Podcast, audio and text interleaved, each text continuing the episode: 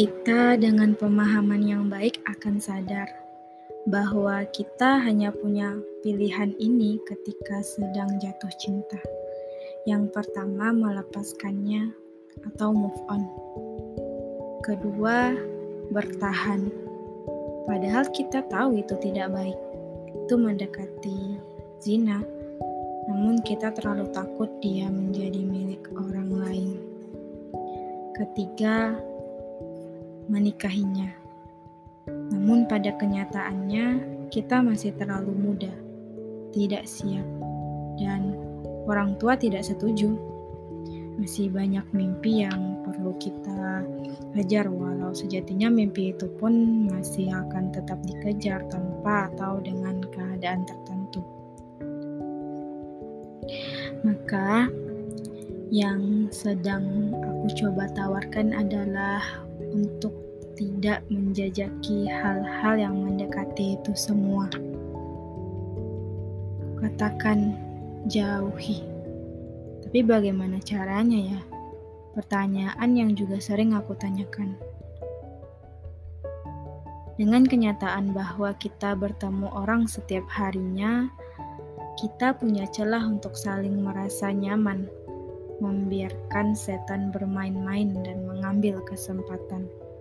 Kita adalah makhluk yang sama-sama lemah mencari solusi, tapi keras bertanya soal bagaimana.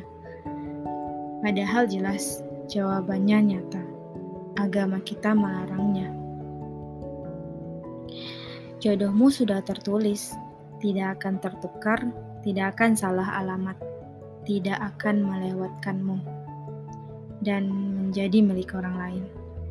Kalau kenyataannya sekarang seseorang sedang mendekat, atau hatimu yang sedang mengharapkan satu orang, semoga ia yang baik datang kepadamu dengan cara terbaik dari yang maha baik.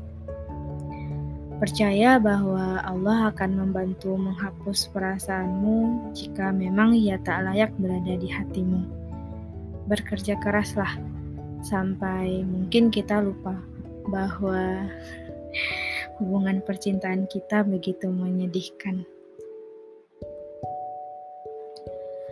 Aku tidak tahu apakah kamu sudah pernah menemui situasi seperti ini. Hidup perempuan akan jauh lebih tenang saat perempuan itu tidak lagi menyukai lelaki mana pun di perjalanannya.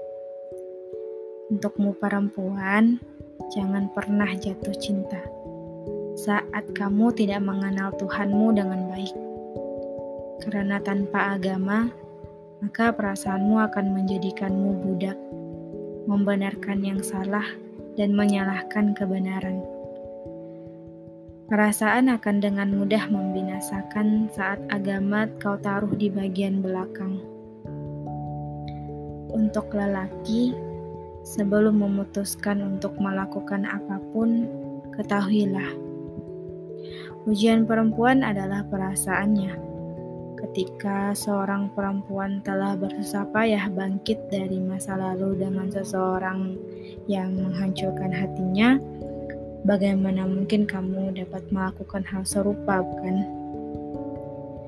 Saat dalam hatimu telah terbesit bahwa kamu tidak mungkin mencintainya, maka katakanlah dari awal. Menyakitkan memang, tapi sakit diberikan penolakan pasti adalah sepersekian kecil dari sakit yang ketika kamu menjadikannya cadangan untuk pilihan yang lain.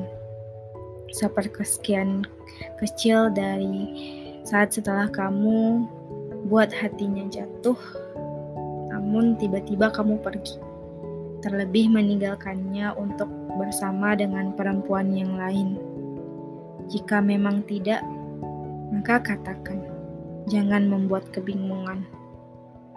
Ketahuilah, seorang perempuan sanggup menolak orang-orang yang ia tahu bahwa lebih baik dari orang yang saat ini dia cintai.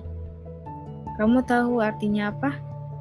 Allah memberitahumu bahwa fungsi hati perempuan yang benar. Yang ketika nyaman dengan satu hati, ia akan pegang hati itu dengan erat.